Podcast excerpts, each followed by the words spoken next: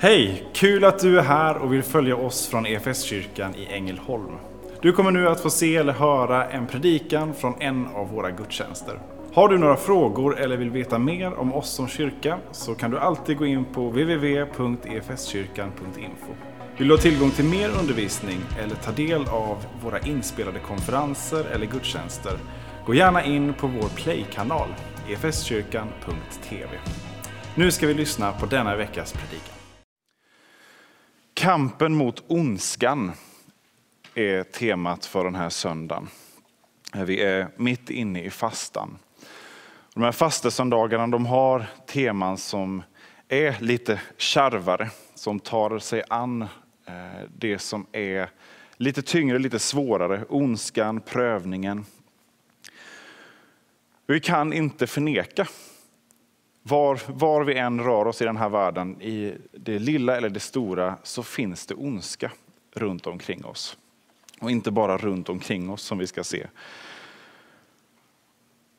Och Det finns mängder med råd, mängder med teorier, mängder med strategier för att ta sig an den här ondskan som människan har prövat under många år. Olika styrelseskick, olika maktdemonstrationer för att hålla ondskan eh, stången, hålla ondskan borta, hur den än eh, kommer till uttryck. Vi stiftar lagar, vi har eh, polisväsende, vi har filosofier och religioner också för att stävja ondskan och komma till bukt med, med det egna, våra egna beteenden. Så både för det yttre och för det inre. Men den absolut bästa källan för att få kunskap både om vad Eh, ondskan är och vad vi egentligen är kallade till. Ett gott liv, skapade för att vara goda, fullkomliga till och med, så som vår fader i himlen är fullkomlig. Den bästa källan för att upptäcka detta och för att också veta vad botemedlet är mot den här ondskan, det är Guds eget ord, Bibeln. Så vi ska slå upp första Samuelsboken i Gamla Testamentet som har fått sitt eh, namn efter en av eh, profeterna, Samuel, som fick vara ett Guds verktyg för att vara med och reglera ondskan. Eh, Guds ingripande mot ondskan blir väldigt tydligt genom de här berättelserna.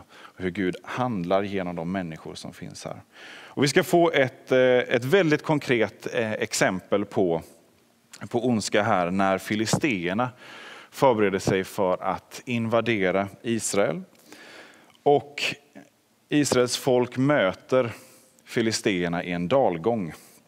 Och där så eh, utmanar de Israel att utkämpa det här slaget, inte armé mot armé först, utan en kämpe mot en annan. Och de sänder fram Goliat från Gat, en jättelik man.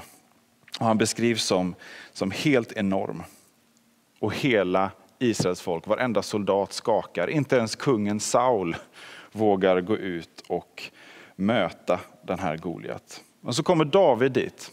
Han har blivit ditskickad av sin pappa, en ung eh, kille som annars eh, vallar får. Han är herde. Eh, han kommer dit och får, eh, ska lämna lite mat och förnödenheter till sina bröder och andra eh, i armén. Och så får han se den här vyn. Arméerna ställda mot varandra, dalgången emellan och där nere så står Goliat och utmanar och hånar. Han har gjort det i dagar, i veckor. Han hånar folket och han hånar Gud själv. Därför att det är Guds folk som står framför honom och Guds folk vågar inte möta honom. Och då så eh, tar David sig an den här utmaningen. Alla skrattar åt honom och eh, ifrågasätter hur en enkel liten herdepojke skulle kunna det. Hans bröder blir förfärade. Det är blandat förakt mot lillebror men också säkert en omsorg eh, för hur det ska gå. Och så får vi berättelsen här om när, eh, när David möter Goliat. Från vers 40 i kapitel 17.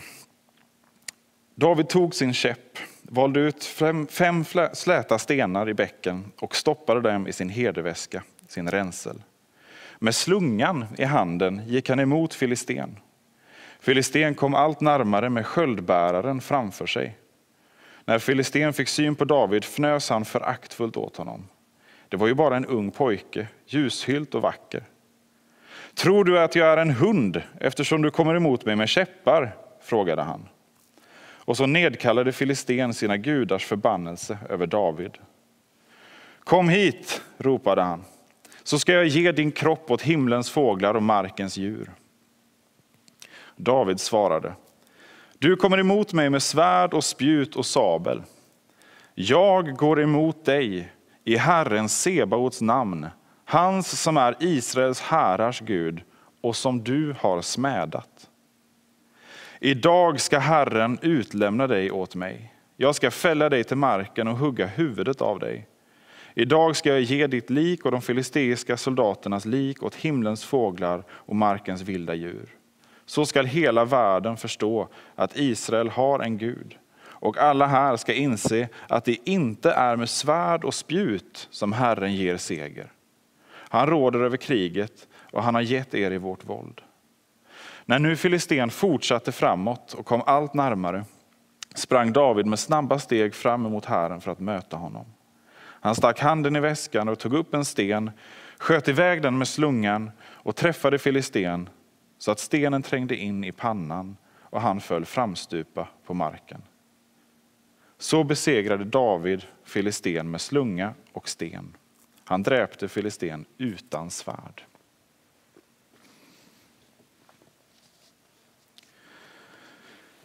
När David kommer till den här platsen och får se vad som händer så blir han upprörd.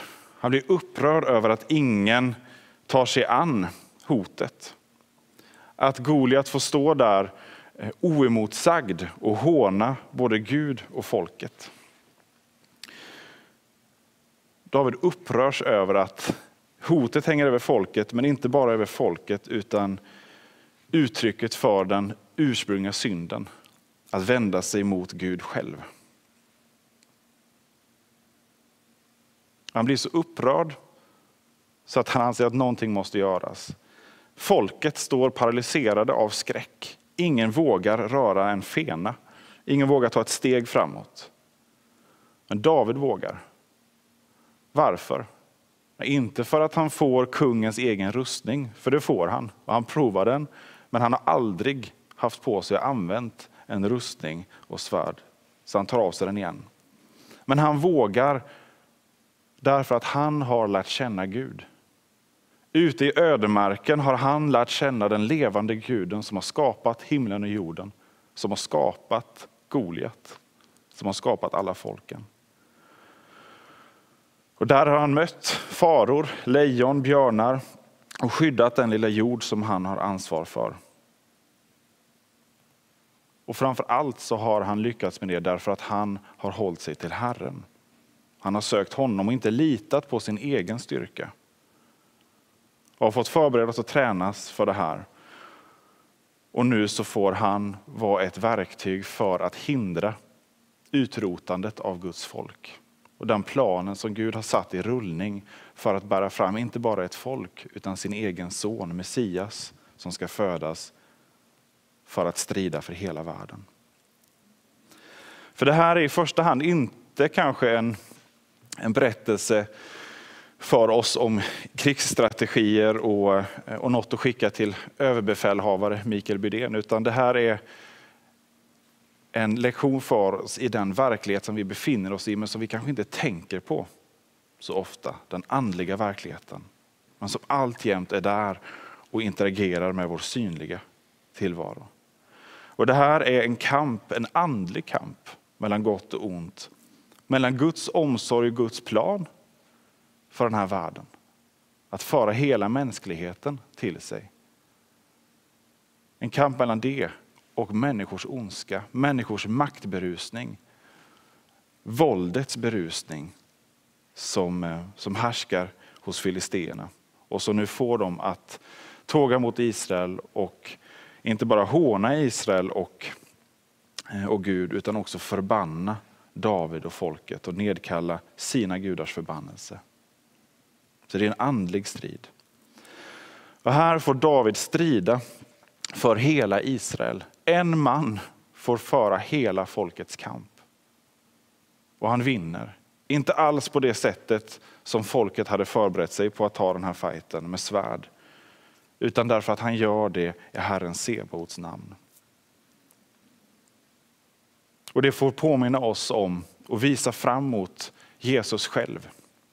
Hur han strider för hela mänskligheten. Inte alls med svärd, som några av hans lärjungar ivrigt väntade på att han skulle göra. Och många andra runt omkring honom. Men han stred inte med svärd. Han stred med ord, löftena från Gud själv i skrifterna. Och genom att ge sitt eget liv. I det som i mänskliga ögon är svaghet och lidande och ett nederlag. Det är så segern vinns i den andliga striden. Inte genom vapen och maktdemonstrationer men i ödmjukheten, i självutgivandet, i lidandet. Och det vänder helt upp och ner på vår syn på som människor och vår erfarenhet av makt, av strid, av seger. Jesus lurar döden kan man säga. Och han tar konsekvenserna av synden, nämligen att drabbas av döden. Den tar han för oss.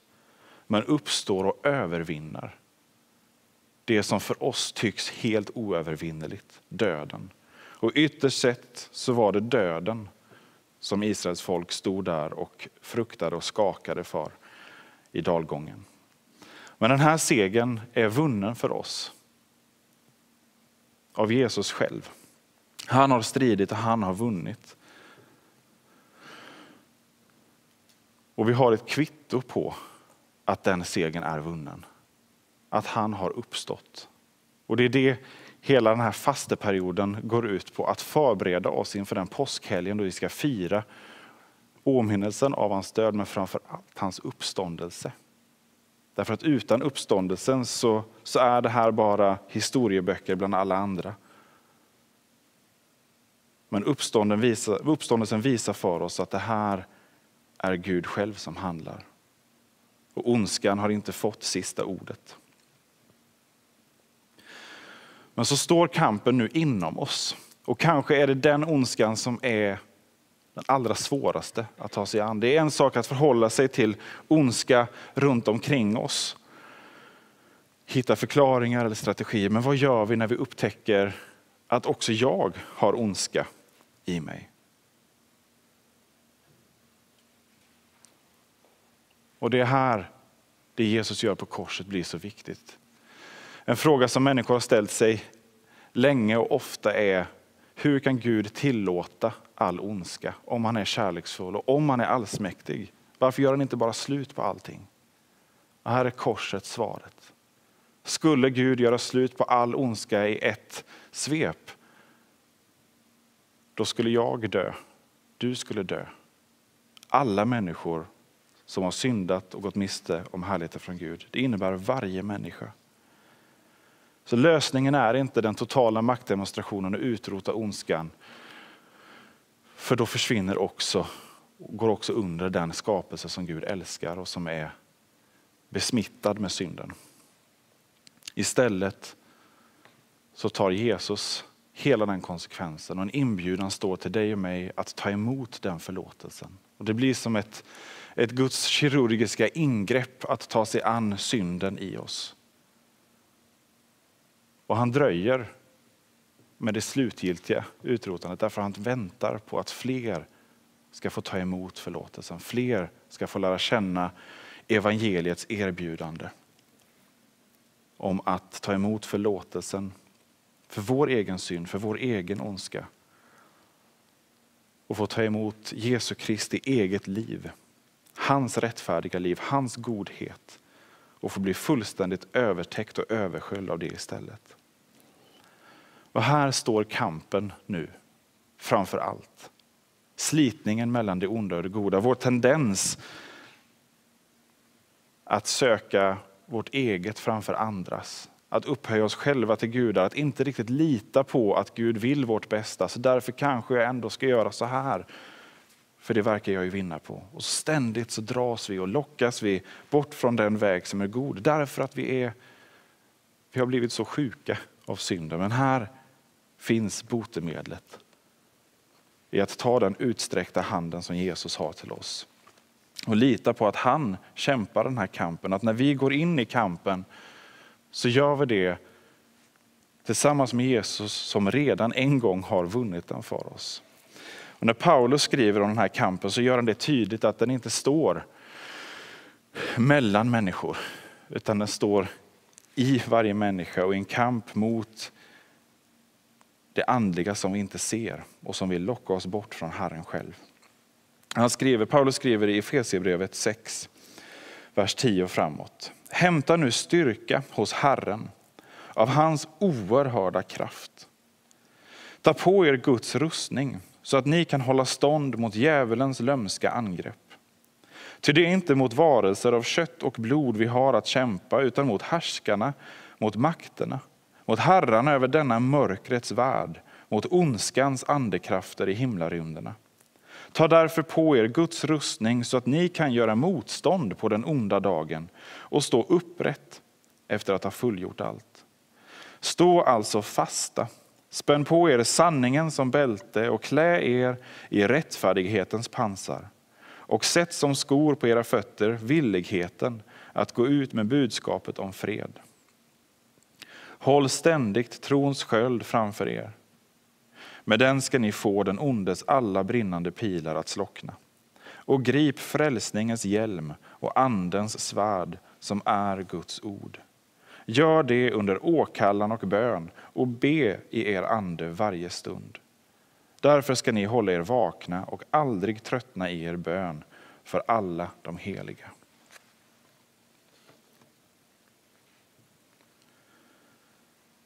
Den kamp som vi kämpar är en andlig kamp. Varför det? Är det för att vi vänder oss ifrån världen och ignorerar det synliga och påtagliga? Nej, det är för att det synliga och det osynliga är sammanbundet. Men vi måste ta kampen på rätt plan och i rätt ordning. För det som vi gör i den andliga världen, det får verkningar i den synliga världen. Som inte är en tvådelad värld, utan en värld. Det står inte mellan andligt eller kroppsligt, osynligt eller synligt. Det är andligt och kroppsligt synligt och osynligt. Den kristna tron är superandlig, men den är också superkroppslig, påtaglig, fysisk. Vi har det i dopets vatten som föder till ett nytt liv och renar från synden. Det är vanligt vatten. Och ändå så händer någonting oerhört kraftfullt i andevärlden. Vi har det i eh, i handpåläggningen i förbönen. Vi har det när vi samlas som Kristi kropp för att fira gudstjänst. Det är därför vi känner en sån saknad nu att inte kunna få samlas här på plats till gudstjänst. Därför att vi är en Kristi kropp som är så fysisk. Och när Guds folk kommer samman så ger det också verkningar i den andliga världen. Vi ser det i nattvardens måltid i allra högsta grad fysiskt bröd och vin. Men det är också Kristi kropp och blod.